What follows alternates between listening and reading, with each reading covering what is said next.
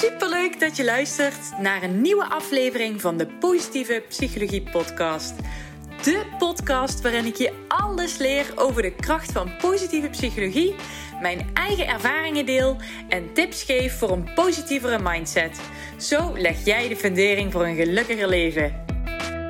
Hoi, lieve lieve luisteraars. Welkom bij een nieuwe aflevering van de Positieve Psychologie Podcast. Vandaag is Melanie te gast. En uh, Melanie heeft heel wat meegemaakt in haar leven. Maar um, we volgen haar al een tijdje op Instagram. En zij is een post terug gestart met intuïtief eten. Wat ik super boeiend vind. Dus uh, Melanie, van harte welkom. Nou, van harte welkom. Welkom, ja, bij jou. en de luisteraars. en de luisteraars. Ja, hey, uh, wij, uh, wij volgen elkaar al, al een tijdje. Uh, via Instagram zijn we aan de praat geraakt. En um, nou ja, een, een topic waar je onder andere over deelt. heel veel over huidverzorging en dat soort zaken. Maar ook intuïtief eten is toen op jouw pad gekomen. En ik ben eigenlijk heel benieuwd hoe dat is ontstaan. Hoe je daarbij dat idee bent gekomen. Nou ja, dat was meer omdat ik na zo'n ruim 40 jaar diëten het dieetenspuugstad was. Mm -hmm. nou ja, niet meteen 40 jaar, ik word 45 dit jaar. En ik denk dat ik 14 was of zo dat ik aan mijn eerste dieet begon. Ja, dat is jong. Altijd, ja, altijd ja. geweest als kind. En um, ja, tegenwoordig zou ik slank zijn, want we worden met z'n allen natuurlijk dikker. Maar toen was ik geloof ik de, de grootste van de klas. Mm -hmm. En nou ja, dat had natuurlijk gewoon wel impact. En ik wilde gewoon net zo lang zijn als mijn vriendinnetjes. Dus ja. uh, ging uh, lijnen, diëten en al dat.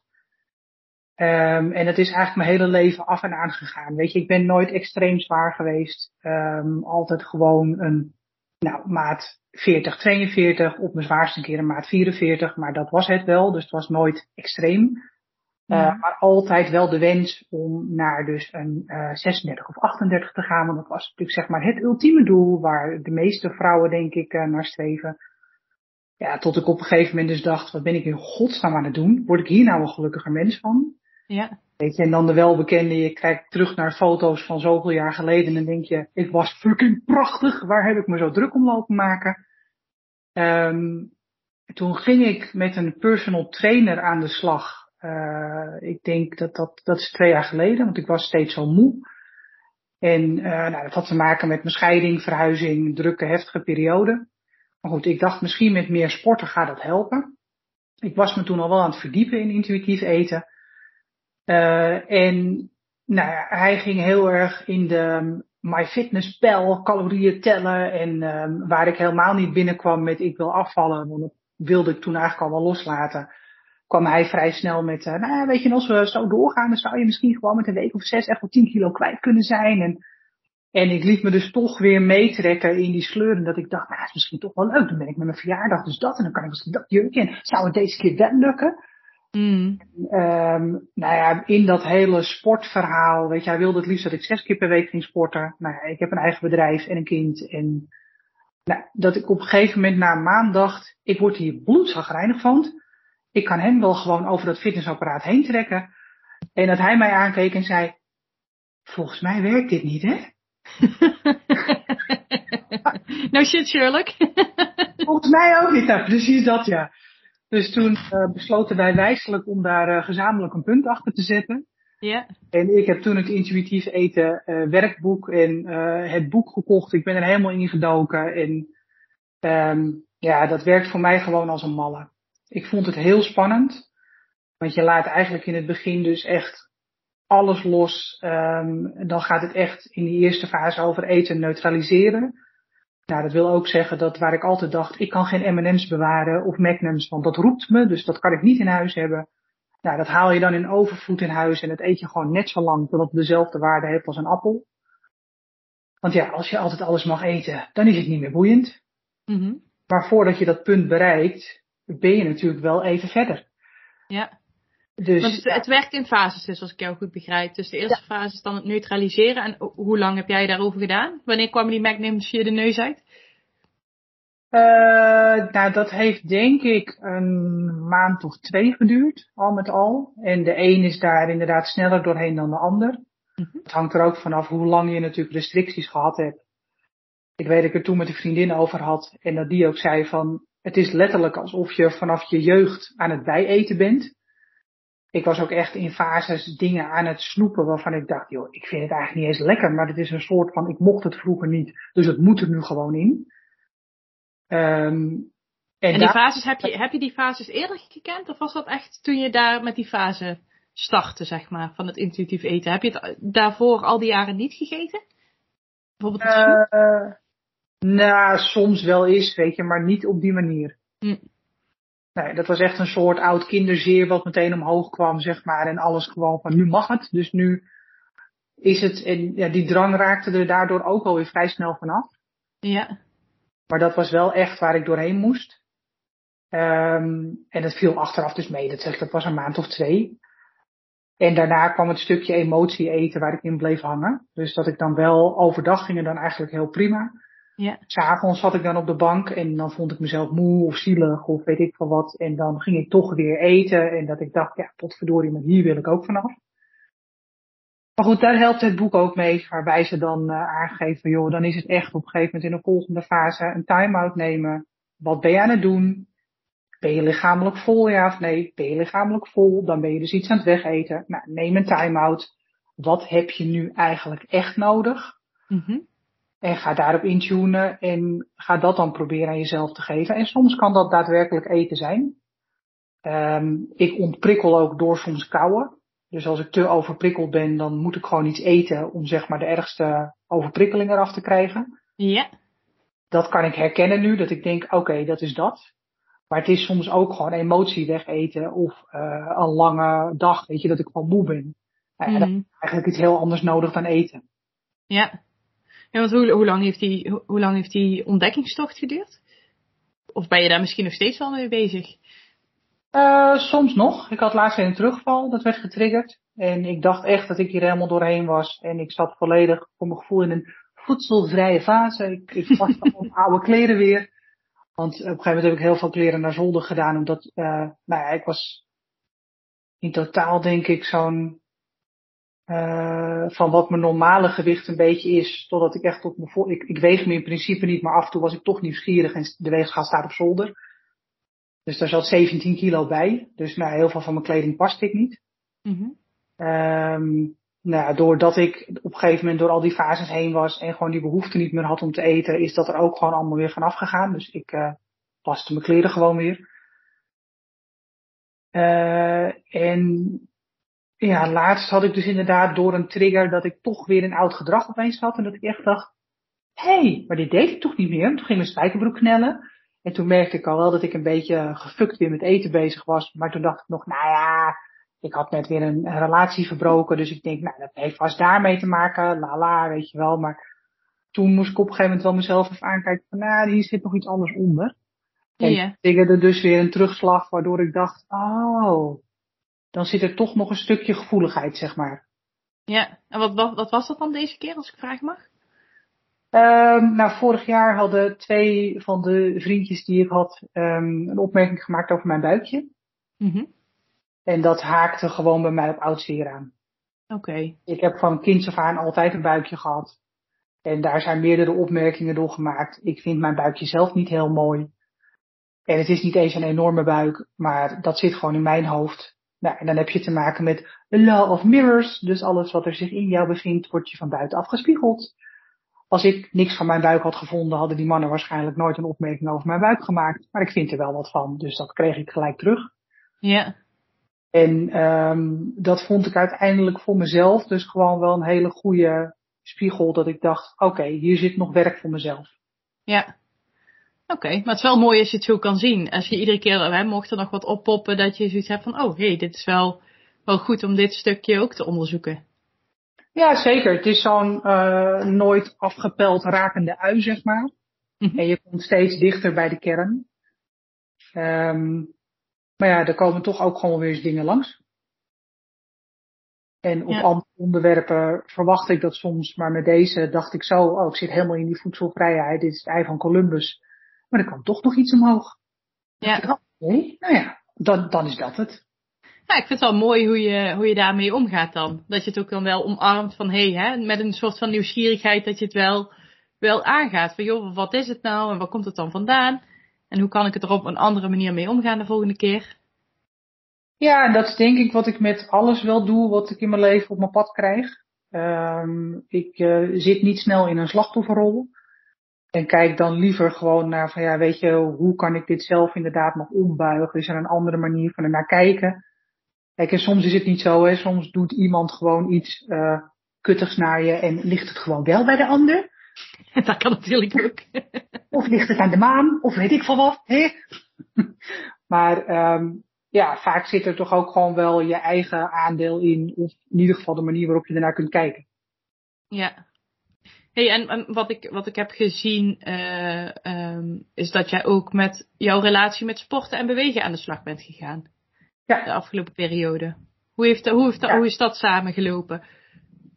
Uh, dat hoort eigenlijk bij intuïtief eten. Want wat okay. ik het mooi ja. vind van de hele intuïtief eten beweging, is dat het als basis heeft gewoon echt zo goed mogelijk voor jezelf zorgen. Dus dat betekent ook helemaal niet waar ik in het begin dat neutraliseren heb gedaan met eten, dat je dus alles jezelf maar toestaat. Dat is natuurlijk wel een misvatting wat een beetje aan intuïtief eten kleeft. Dat ik vaak ook wel in de salon hoor dat mensen zeggen, oh ik zou het niet kunnen, want ik zou alleen maar dit of dit gaan eten. Terwijl dat is helemaal niet waar intuïtief eten over gaat. Want als jij echt uh, intuïtief met je lijf bezig bent, dan wil je niet de hele dag marsen. Want dan gaat je lijf helemaal niet lekker op. Nee. Ik denk dat ik nu uh, tussen aanhalingstekens gezonder eet en beter voor mezelf zorg dan dat ik deed. En het is met bewegen ook zo. Kijk, als ik uh, niet regelmatig sport, dan ben ik gewoon veel minder fit en veel moeier. Heb ik zin om te sporten? Ja, 9 van de 10 keer niet. Maar ik weet wat het me uiteindelijk oplevert. Dus dan uh, huppel ik de sportschool binnen en denk ik, nou, uh, hup hup, al sta ik hier maar een kwartier. Het is in ieder geval een kwartier langer dan dat ik niet ging. Ja. En ik weet dat ik me uiteindelijk toch beter voel.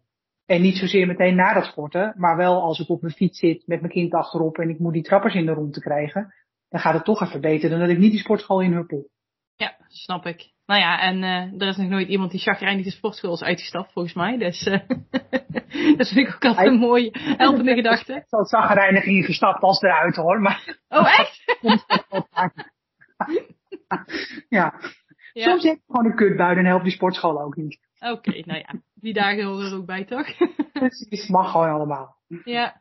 hey, want uh, hij vertelde net helemaal in het begin van, joh, ik, ik ben al op mijn veertiende uh, met, met het dieet in aanraking gekomen. Nou, dat is nog in de tijd uh, voor social media. Hoe, hoe, hoe, hoe, hoe, hoe ben je op dat idee gekomen? Heb je dat thuis gezien als voorbeeld? Was je, waren je ouders aan het lijnen?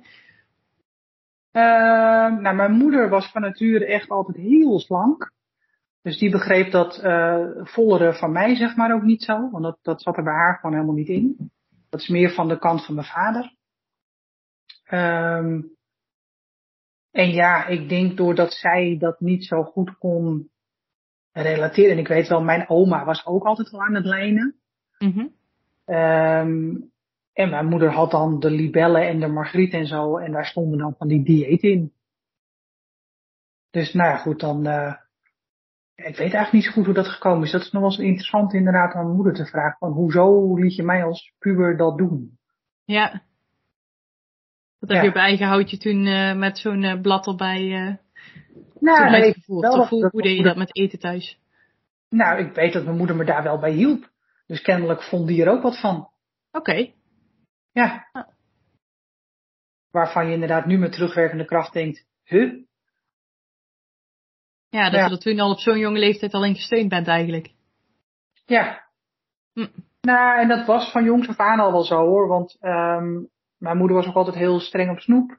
Want de tandarts had ooit tegen mijn moeder gezegd dat ik niet te veel uh, moest snoepen op een dag, want dat was slecht voor mijn tanden. Nou, uh, mijn moeder heeft wat dat betreft uh, wel iets wat autistische trekjes, dus die nam dat serieus. Geen snoep meer van Melanie. ja, en anders dan moest er meteen met tanden gepoetst. En uh, wat als er op school uitgedeeld werd, moest dat mee, zeg maar. Nou, die was daar gewoon wel echt heel streng in. Met de beste bedoelingen. Ik ben heel goed met mijn moeder. Um, dus ik wilde niet als een boeman afschilderen. Maar nou ja, op het gebied van eten um, zitten daar wel wat bijzonderheden, zeg maar, in. Ja, maar dan is het ook wel logisch dat je dan van die buien krijgt dat je in één keer heel veel ga, gaat eten of gaat snoepen. Omdat je dat thuis misschien nooit hebt gemogen op die manier. Ja, en soms ook wel. Weet je, dat was wel een beetje het dubbele eraan. Want op woensdag gingen we altijd een rondje door de stad. En dan um, haalden we een zak drop, weet je wel. En dan zaten we wel de halve zak drop leeg te kanen. Maar dat waren dan echt van die momenten, weet je. En dat was niet altijd mijn moment. Dus wat ik achteraf ook kan zien, dan was het een moment van, oké, nu kan het. Dus dan moet je ook zorgen dat je bij wijze van spreken zoveel mogelijk naar binnen graast. Um, in plaats van dat ik mijn zoontje nu bijvoorbeeld gewoon probeer te leren van, ja, weet je, heeft je lijf nog honger of heb je gewoon trek? En heb je eigenlijk niet al een beetje genoeg gehad, weet je, want je weet zelf ook dat te veel suikers gewoon niet goed gaan. Weet je, dus ja, denk zelf ook even na van, is dit nog verstandig om te doen? Of kan je misschien beter even wat anders pakken? Ja, ja, dat is eigenlijk gewoon, eh, zowel jij, maar ook je zoontje eigenlijk gewoon opnieuw leren luisteren naar de signalen van je lichaam. Ja, precies. Kijk, en ik denk kinderen doen dat van nature uh, wel heel erg. Weet je, als ik naar hem ook kijk, joh, hij denkt daar niet over na. En, um, hij vindt snoepjes fantastisch en lekker. Maar als ik aan hem uitleg dat dat niet zo handig is, weet je, voor je systeem om de hele dag door te snoepen, dan snapt hij dat gerust wel. Ja. En die kan daar ook rustig een hele tijd gewoon echt helemaal niet om vragen. Oké, ja.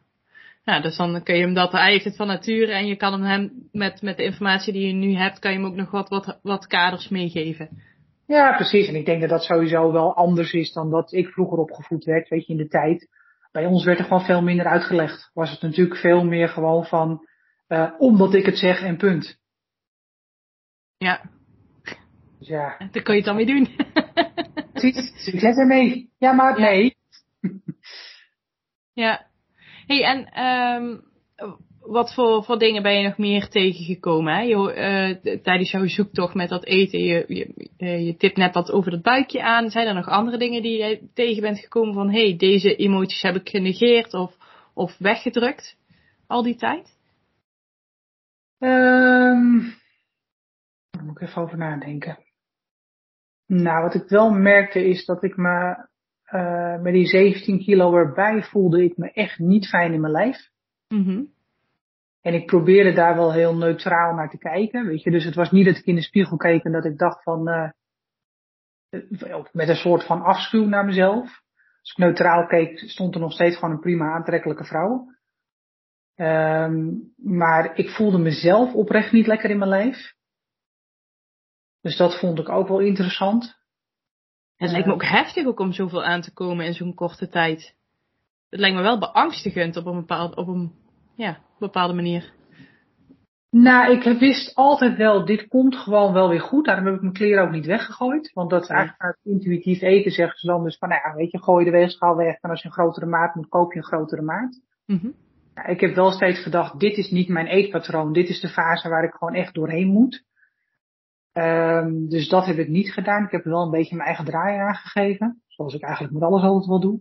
Want bedankt voor de informatie, maar ik maak hier mijn eigen soep van. um, en ja, ik merk dat ik daar nu ook nog wel een beetje mee, nog wat zoekende mee ben. Weet je, ik ben er uh, nog niet, zeg maar, qua eten. Ik ben echt nog wat dingen aan het uittesten. Weet je, van hoeveel heb ik nodig en op welke momenten heb ik eigenlijk Um, dus ja, dat is gewoon nog een beetje een zoektocht. Kijk, en ik merk dus wel heel erg van wanneer wil ik eten. Dat is vooral als ik echt heel moe ben. Dan troost ik mezelf dus met eten. Mm Geeft ook energie natuurlijk. Nou precies, het is gewoon logisch voor je lichaam wil gewoon suiker. Dat er inderdaad energie binnenkomt. En dat vind ik een moeilijke spiraal om uit te stappen. Want uh, dan ben ik geneigd om dus een soort van half apathisch op de bank te storten met chocola in mijn wafel. In plaats van dat ik dan gewoon denk, misschien moet ik naar bed. Ja. Dus uh, dat zullen meer mensen misschien herkennen hoor. Dat je dan eigenlijk op zo'n punt van vermoeidheid zit. Dat je weet, ik moet gewoon opstaan en naar bed. Maar je kan je daar eigenlijk bijna niet meer toe bewegen. Ja, nou ja, als dat voor mezelf spreekt, dan heb ik meestal wel nog de energie om naar de supermarkt te lopen en inderdaad uh, chocolade te gaan halen. Typische stad. Precies. ja. Ja, dat is het eigenlijk. Hè. Wat heb ik dan eigenlijk echt nodig op dit moment? En dat is dan slaap. En zo uh, ben je waarschijnlijk ook wel wat andere dingen tegengekomen. Ja, zeker. Weet je, ik had bijvoorbeeld uh, vanmiddag dat ik op een gegeven moment dacht van, uh, weet je, ik ben uh, ongesteld, voelde me niet helemaal fit. En dan ben ik geneigd om te denken, oh nou, ik ga eten bestellen hoor, ik geen zin om oh, Maar toen dacht ik ook, nou, als je nu gewoon opstaat en in beweging komt en wel gewoon even die keuken induikt. Want dan is het soms ook in actie gaan en wat gaan doen, wat dan dat patroon doorbreekt. Want anders dan ga ik in de, hoe zielig. Maar dat helpt nooit. Dus en soms wel hè, dat ik dan in die keuken sta en ik denk, nou dit wordt hem echt niet. Dan is het ook goed om gewoon lief voor jezelf te zijn en te denken, nou klaar. Maar ik voel vaak feilloos aan welk van de twee het is. Ja. En dan helpt het soms ook door gewoon iets te gaan doen. Ja, ja, dat zeggen ze ook altijd. Hè? Dus je hoofd kan van alles eh, vinden, maar je kan je lijf wel ondertussen wel in actie zetten. Dus je hoofd kan zeggen, we gaan eh, inderdaad eten bestellen, maar inderdaad je lijf naar die keuken bewegen kan net, al, net dat duwtje zijn wat je op dat moment nodig hebt. Nou, precies. Weet je, waardoor je er wel even uitkomt en denkt, ja, dit, dit helpt gewoon verder niet. Hmm. Hey, en zijn er andere manieren waarop jij lief voor jezelf kan zijn? Um, buiten dat ik ga eten bedoel je of in het algemeen? Nou ja, wel, eh, gewoon meer in het algemeen. Dus uh, je haalt net aan van joh, ik, ik voel dan feilloos aan. Uh, hè, ik moet gaan slapen of ik, ik kan beter eten bestellen of kan juist beter eten maken. Maar wellicht zijn er nog andere dingen die je hebt ontdekt. Ja, ik heb zelf een Reiki-opleiding gedaan wat ik ook in mijn werk toepas. En mm -hmm. dus Reiki geven, dat helpt. Want dat leer je ook uh, tijdens Reiki 1 en met Reiki 2 nog in de verdieping. Mm -hmm. um, dus dat je jezelf ook behandelt. Nou, dat helpt me altijd, weet je. Ik uh, doe dat vaak voordat ik ga slapen. En dan merk ik eigenlijk zo dat spanning eventueel uit mijn lijf trekt. En uh, ja, daar knap ik altijd van op. schrijven, dat helpt. Weet je, dus gewoon als dingen met dwars zitten, de notities in mijn telefoon openklappen of echt mijn, mijn journal pakken en daar wat in schrijven. Um, en breathwork vind ik heel fijn om te doen. Weet je, als ik echt merk dat er spanning in mijn lijf vastzit. Ik vind het verschrikkelijk, dat hele adem. Maar ik weet uiteindelijk dat die release me altijd wat oplevert.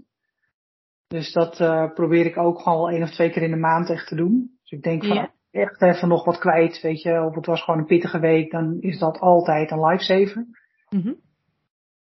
Ja, en verder, uh, ik eh, boek regelmatig een uh, massage bij een van mijn collega's in. En um, ja, gewoon leuke dingen doen met mensen, goede mensen om me heen hebben, dat helpt ook altijd. En wij. zeker, cheers! hey, je, je, noemt twee dingen waar ik, waar ik wel even met je op in wil zoomen. Al, wil zeggen, allereerst noemde je Reiki en breathwork. Waarin verschilt breathwork van gewoon meditatie met ademhalingsoefeningen? Uh, ja, met breathwork ben je heel cyclisch aan het ademen. Het is eigenlijk een soort ronde ademhaling. Heb je ooit mm -hmm. iets met breathwork gedaan? Of? Nee, ik ken het eigenlijk helemaal niet. Oké. Okay. Ja, het is, je ademt alleen door je mond. En ja er zijn verschillende manieren om het te doen. Weet je, de een doet echt gewoon uh, buik en dan meteen uit. Wat ik een fijne manier vind um, van degene van wie ik veel doe, dat is dan echt dat je uh, buik, borst uit. Dus dan ga je eigenlijk. Dus op die manier, je uitademing doe je niet met kracht. Dat klinkt nu heel overdreven, maar mm -hmm. zakt dan eigenlijk gewoon weer in.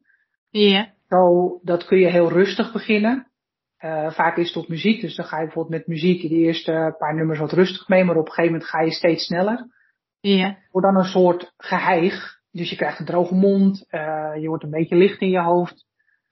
Uh, maar er zit ook altijd een release moment in, want je kunt op een gegeven moment voelen aan je lijf van, er moet nu echt wat uit. Dus het kan zijn dat je dan moet huilen, moet lachen, um, je ligt er altijd bij, dus dan zit er ook een release moment dat je bijvoorbeeld kan schreeuwen in een kussen of dat je met je handen op je bed slaat of weet ik van waar je op ligt. Um, en ja, ik vind dat dus zelf heel fijn. Oké, okay. dat uh, klinkt wel uh, de moeite waard om eens te proberen. Maar uh, doe je dat met YouTube of, of hoe, hoe start je daarmee? Ik ben er ooit mee gestart doordat het bij een yogaschool waar ik kwam gegeven werd. Ik was toen heel -hmm. nieuwsgierig. Ik ben overal nieuwsgierig naar, dus ik duik altijd overal in, zeg maar. Ik denk, oeh, leuk, zelfontwikkelingsdingen, hier ben ik. um, dus dat heb ik toen gedaan. Dat vond ik heel uh, interessant, want toen lagen we met een groep, denk ik, van 15 mensen. En uh, dan gingen we dus gezamenlijk uh, op de grond trommelen en geluid maken erbij. Zo, ah, dat ik echt wel dacht, oké, tikje weird, maar de tweede keer dacht ik ook, ah, en de laatste keer gewoon echt van, weet je dat? dat is dan ook wel heel grappig. Ehm, en de laatste tijd doe ik het eigenlijk online. Oké. Ja. En dan via een website of app of? Ja, ik heb vorig jaar een online cursus bij iemand gedaan. En daar heb Ja? ik toegang toe. Dus ik kan die opnames gewoon terugkijken. En ik vind dat zij het op een fijne manier doet. Dus dan pak ik eigenlijk steeds gewoon die terug. Ja. Dus eigenlijk meer de tip hierin eh, is zoek wat, wat bij jou past. Waar je je fijn bij voelt. Ja. Ja. Ja, ook daar zijn weer verschillende manieren in. Dus kijk inderdaad gewoon van, joh, kijk eens of het wat voor je is. En eh, ja, ik geloof daarin echt heel erg dat iedereen zijn eigen manieren heeft. Dat is ook zo. Het is al met een stem, hè. De ene vindt de ene stem prettig om naar te luisteren en, de, en dezelfde, of de andere persoon kan dat weer bloedirritant vinden. Dus dat moet klikken voor je. Absoluut. Nou ja, Ja. weet je, het is wat ik ook in mijn werk altijd wel gezien heb. Van, eh, ik kan nog de meest prachtige marketing voor mijn bedrijf loslaten. Maar uiteindelijk moeten mensen bij me in de stoel komen liggen en denken, ja, ik vind jou een fijn mens, jij mag aan me zitten. Mhm. En als dat niet werkt, ja, weet je, dan kan je van alles en nog wat doen, maar dan werkt dat niet. Nee. Nee, dat is En als het zo. wel werkt, dan eh, nou, blijven mensen soms twintig jaar plakken. Het een is het ander. ja. Nou ja, zeker met jouw werk, als je zo dicht bij mensen komt, letterlijk in de aanrakingssfeer, ja, dan moet het goed voelen. Absoluut. Ja. Ja.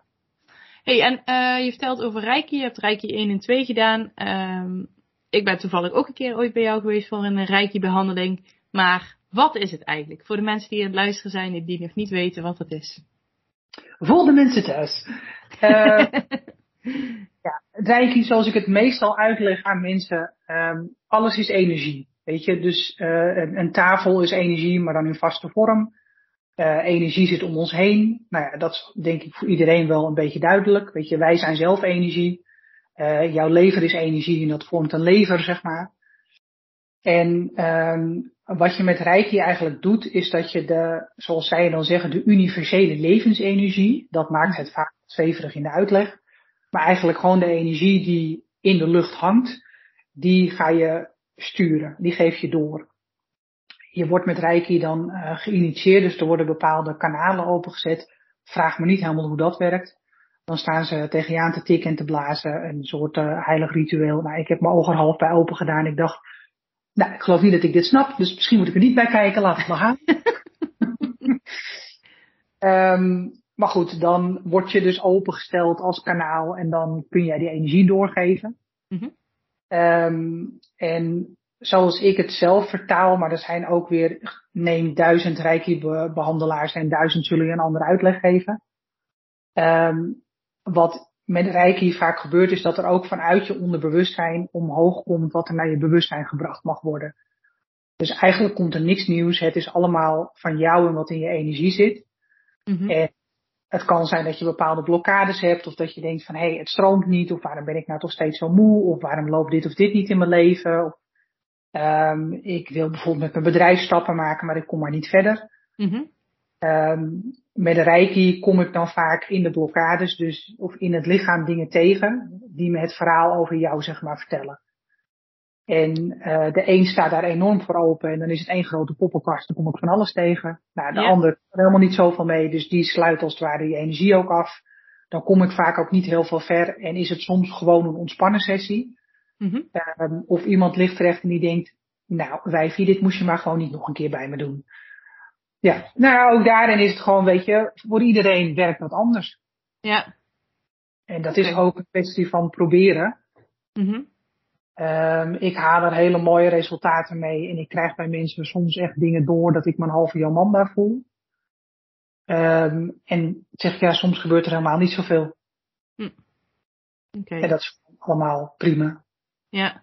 Dus is het wel het doel om, om te ontspannen? Of wat, wat is volgens jou eh, met, ja, met, hoe leg ik het uit? Hoe stel ik mijn vraag goed?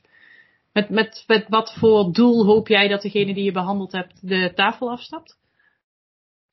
Eh, altijd wel dat ze een stukje eh, rust of inzicht hebben voor zichzelf. Ja.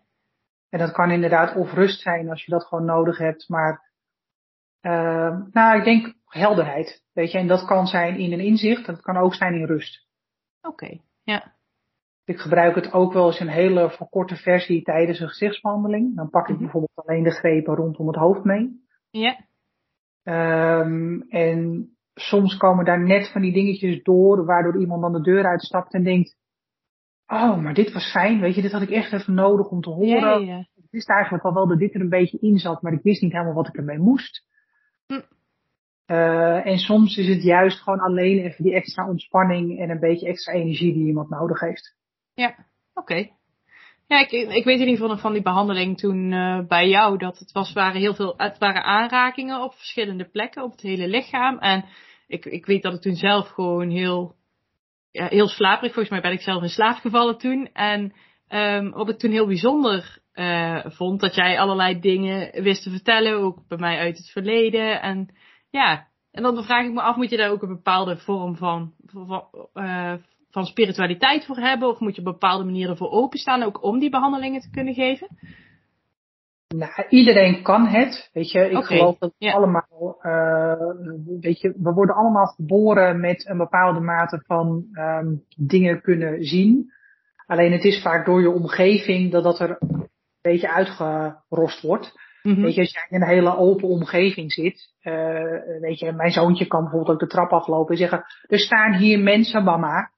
Ja, weet je, dan kan ik natuurlijk zeggen, nee hoor, dat is helemaal niet zo, dat denk je maar, dat, dat eh, spoken bestaan niet, weet je, la la la. Ik zeg dan, oh, weet je, doen ze wat, wat vind je ervan, weet je, en dan haalt hij zijn schouders op en klaar. Weet je, ehm, dat maakt natuurlijk wel van, ja, gooi je dat kanaal bij iemand dicht of niet. Ja, precies. En, Maar net hoe er in het verleden mee om is gegaan eigenlijk dan. Nou ja, absoluut. Weet je, kom je uit een omgeving die daarvoor openstaan, of mensen die dat allemaal eng vinden en dat inderdaad dichtgooien. Kijk, het heeft mij wel verrast hoeveel ik soms kan zien bij mensen. eh, en doorkrijg. En dat heb ik ook wel even zelf in moeten wennen. En van, nou ja, wat doe ik hiermee en hoe pak ik dit aan? En zeker in het begin eh, dat ik daarmee startte, dat ik ook echt wel dacht, zit ik dit nou te verzinnen? Word ik nou helemaal niet een beetje lekker of zo? Of wat is dit? Weet je, ben ik rijp voor de, de paasafdeling bij de GGZ? Of wat gebeurt hier met mij? Ja, Dan ging ik er toch bij mensen toetsen. Dat ik zei, ja, ik, eh, ik weet niet, maar ik had volgens mij je ex-man hier naast me staan en die had het maar over een rood bootje. En dat ze zei, nou, wij hadden inderdaad een rood bootje en een heel verhaal. en dat ik dus, nou ja, bij keer honderd dacht, oké, volgens mij krijg ik toch wel echt dingen door, zeg maar. ja, ja, ja. Door de energie dan. Of, Ja. Oké, ja. Maar bij mij is het heel beeldend. Ik krijg echt dingen te zien, letterlijk. Ja, Eh, iemand anders kan dingen horen of bij wijze van spreken ruiken of weet ik wat. Hm. Ja, en ik eh, zie het en dan toets ik het dus bij diegene van, eh, joh, weet je, ik zag dit of dit of ik voelde dit of dit, klopt dat voor jou? ja. Ja, en 9 van de 10 keer eh, wordt dat bevestigd. Toch bijzonder hè? Hoe dat dan werkt. Ja. Zeker. Hey, en hoe, hoe werkt dat dan? Want je zegt ik doe het ook af en toe bij mezelf. Hoe, hoe, hoe werkt dat dan? Eh, nou, bij mezelf krijg ik vrij weinig door. Ik val 9 van de 10 keer gewoon in slaap. Oh, zo klein. Nee, dus dan leg je de eh, bepaalde greep. Ik begin dan ook altijd met mijn handen over mijn ogen. En eh, ik pak gewoon bepaalde grepen mee. En ja, maar daar voel ik verder niet zo heel veel bij. En Dat zou je is het ook... lekker en ik word ontspannen, maar dat is het. Oké. En zou je het ook als, als, als beginner bij jezelf kunnen doen? Of heb je daar toch echt al wel wat kennis van Reiki over nodig? Eh nou ja, sowieso om reiki te kunnen doen, ook bij jezelf, heb je wel echt een reiki cursus nodig. Mhm. Ehm, maar joh, dit, iedereen kan dit doen. Weet je, en dat is ook met andere behandelen. Kijk, ik krijg er heel veel bij door. Sommige mensen krijgen helemaal niks door, maar dat wil niet zeggen dat de behandeling daarom minder effectief is. Het is anders. Ehm, maar je geeft even goed die energie door. En het is even goed dan gewoon fijn. En zoals ze het vanuit de Reiki-gemeenschap zelf zeggen, de, de Reiki doet zijn werk wel. Mhm. Kijk, ik steek het ook daarin gewoon weer een beetje op mijn eigen manier in. Eh, wat ik net al zei met intuïtief eten, ik maak altijd overal een beetje mijn eigen soepje van. Mhm. Ehm, en dat is wat ik met de Reiki dus ook wel doe. Dus ik combineer het ook gelijk wel met een stukje coaching. Want voor mij voelt het dan heel raar om dingen bij iemand te zien en dan een soort van, nou, eh, ik kreeg net dit door. nou, succes hè, met de boodschap van Piet. Weet je, dan moet iemand de deur uit. Ja, dat, uh, dus ik heb ook altijd echt nog wel even een nagesprekje. En, maar ja, dat doet iedere reiki-behandelaar ook weer anders. Sommigen die geven gewoon de reiki, geven nog een kopje thee toe en dat is het. En dat is ook prima. Ja, eigenlijk rode draad in jouw verhaal is uh, lekker doen wat voor jou goed voelt. Ja, en ik geloof absoluut dat daar dus ook de mensen bij aanhaken die daarbij passen. Ja, dat weet ik zeker. Ja. ja. Weet je, de klanten die ik heb, die passen bij mij en die vinden die aanpak ook gewoon fijn. En uh, nou ja, mensen die dat niet zijn, die uh, liggen dus ook niet bij mij op de stoel. Nee, snap ik. Hey, en stel, uh, er zijn nou mensen die aan het luisteren zijn heel nieuwsgierig geworden. heb je een website waar ze eventueel wat meer kunnen lezen over jou en over je behandelingen? Ja, zeker.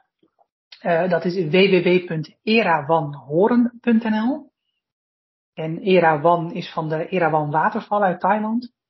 Dus voor iedereen die daar ooit geweest is en denkt, hè? Ja, nou, die dus. Oké. Okay.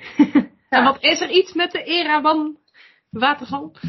Uh, ik was daar destijds op huwelijksreis. En het is een heel nationaal park. En dat ik daar rondliep, dacht ik echt, wauw, weet je, zo zen had ik me nog nooit gevoeld. Ja. Dus dat ik destijds naar de salonnaam aan het zoeken was, toen dacht ik, nou, ik wil niet uh, uh, mijn eigen voornaam. Ik vind dat ik een mooie voornaam heb, maar die wilde ik niet als salonnaam. Mm uh, en alles vakgerelateerd wat ik leuk vond, dat was in gebruik. Dus dacht ik, nou, dan een gevoel. En dat is eigenlijk gewoon het gevoel wat ik mensen mee wil geven. En nog steeds. Weet je, dat ze de deur uitstappen en gewoon echt denken, hè, lekker. Weet je, ik ja. zit er even lekker in, zeg maar. Of dat nou met reiki is, of dus met een gezichtsbehandeling, of weet ik wat. Um, maar goed, dat kan dus allemaal op de website gevonden worden. Oké. Okay. Oh, wat leuk en wat grappig. Ik, ik heb me altijd al afgevraagd waar dat, waar dat Erewan vandaan kan. Maar uh, leuk ja. om nu de uitleg erbij te weten. Ja. Hey Melody, we hebben al een aantal dingen aangestipt. Zijn er nog andere onderwerpen die je graag zou willen bespreken vandaag? Um, nou ja, vanuit mijn vakgebied uh, de, de gekke focus op dat we niet oud mogen worden. Oké, okay, ja. ja. Dat vind ik wel een bijzondere en um, nou ja, waar ik het ook dus met het eten en een beetje het uh, ageren tegen diëten en het altijd slank willen moeten zijn, zeg maar. Ja. Um, is dat ook wel een beetje met het, ja, ik ben erg een voorstander van growing gracefully old. Mm -hmm. Weet je, een uh, rimpeltje en een lijntje mag er gewoon helemaal prima bij. Kijk, je kunt je huid fantastisch goed verzorgen en je hoeft er niet op je veertigste uit te zien als een uitgeknepen vaatdoek. Maar waarom alles strak moet en met fillers en um, weet je, meiden van twintig die gewoon al helemaal volgespoten zitten, dat ontgaat mij ook gewoon compleet. Mm. Dus dat um, ja, is wel iets anders, uh, waar, waar, ik graag iets anders in zou willen zien. Mm.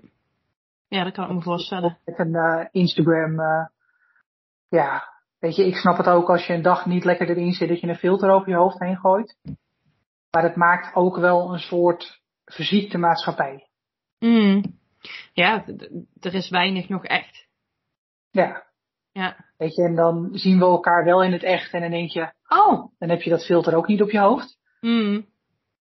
Uh, en ja, dat, dat is wel iets wat ik ingewikkeld vind en wat ik dus bijvoorbeeld zelf op mijn Instagram ook echt niet doe. Mm -hmm.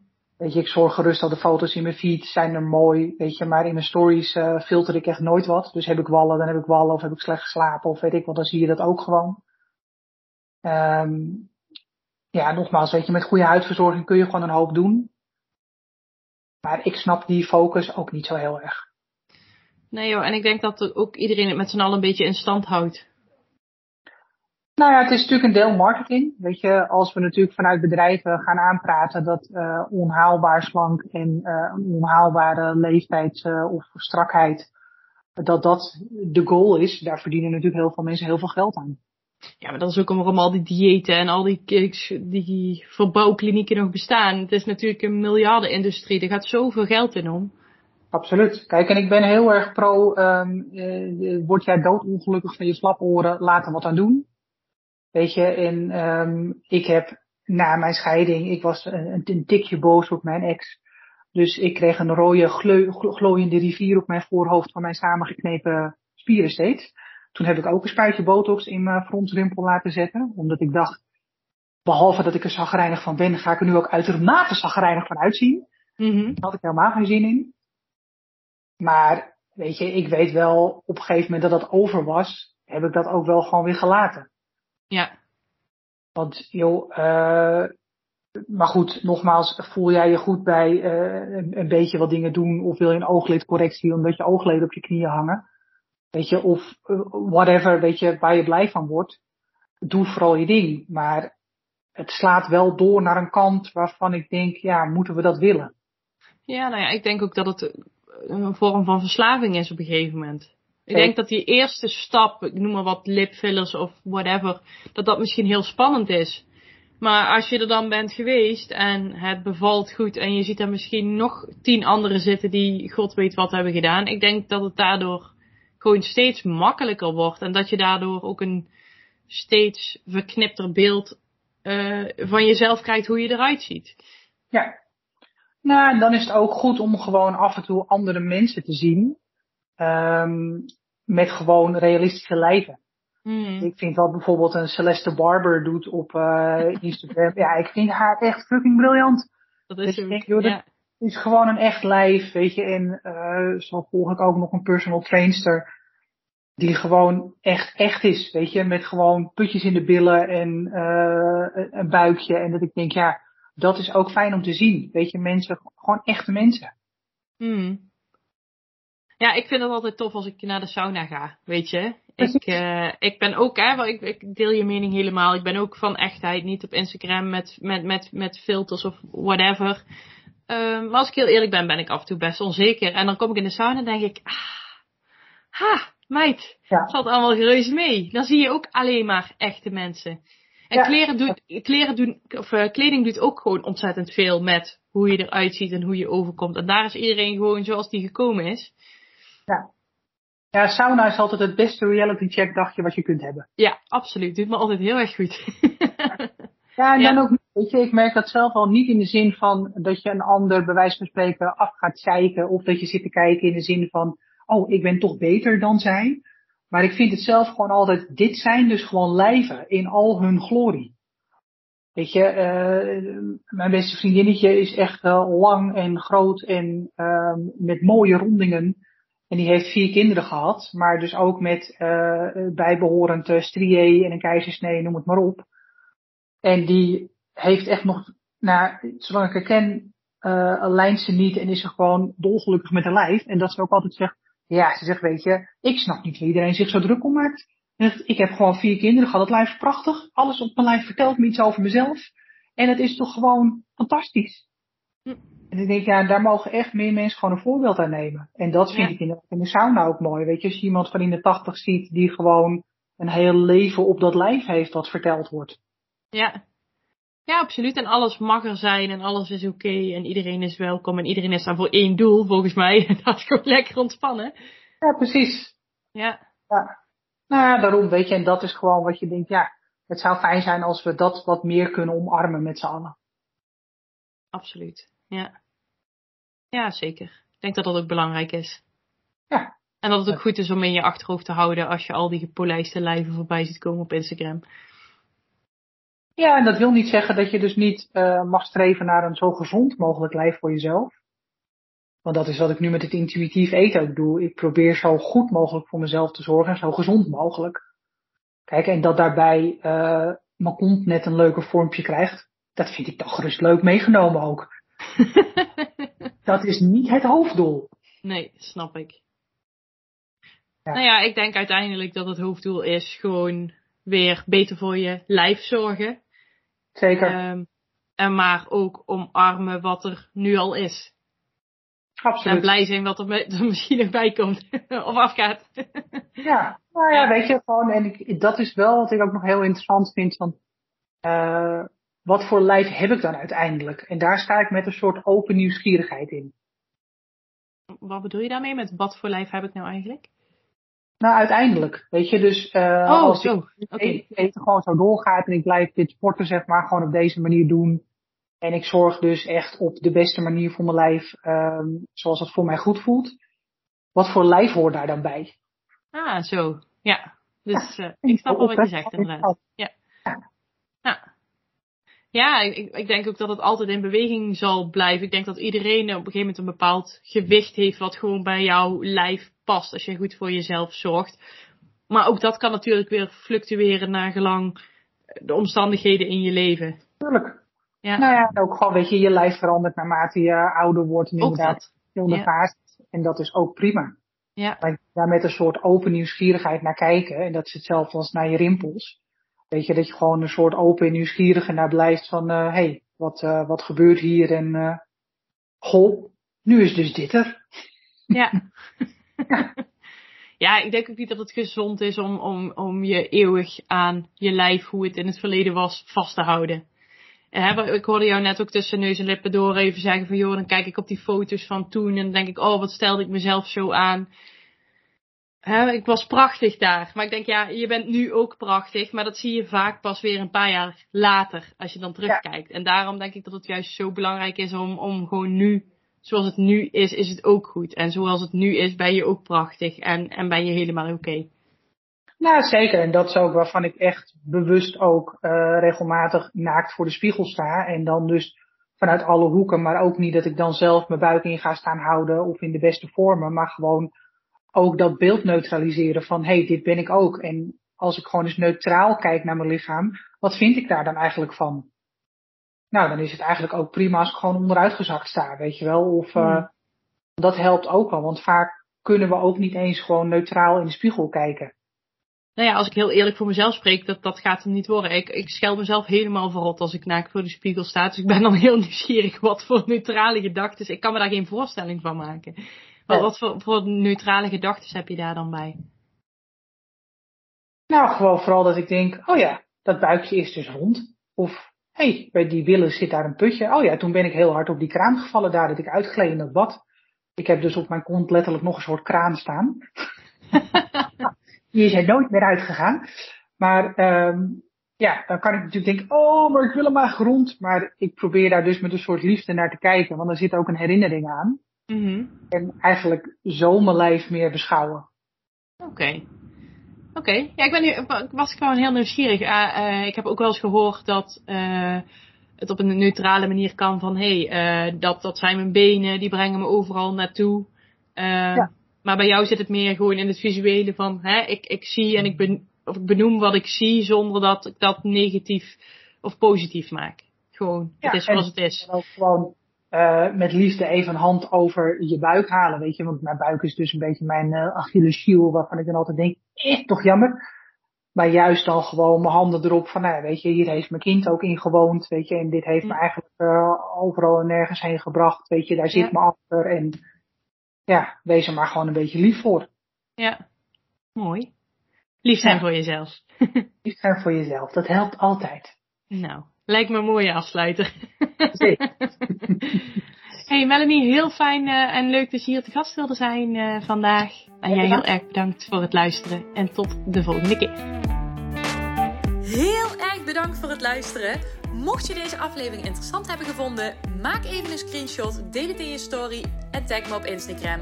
Mijn accountnaam is Eline Verbeek underscore online coaching. Zo gun je ook anderen een positieve mindset en ik vind het heel erg leuk om te zien wie er allemaal geluisterd hebben. Tot de volgende keer!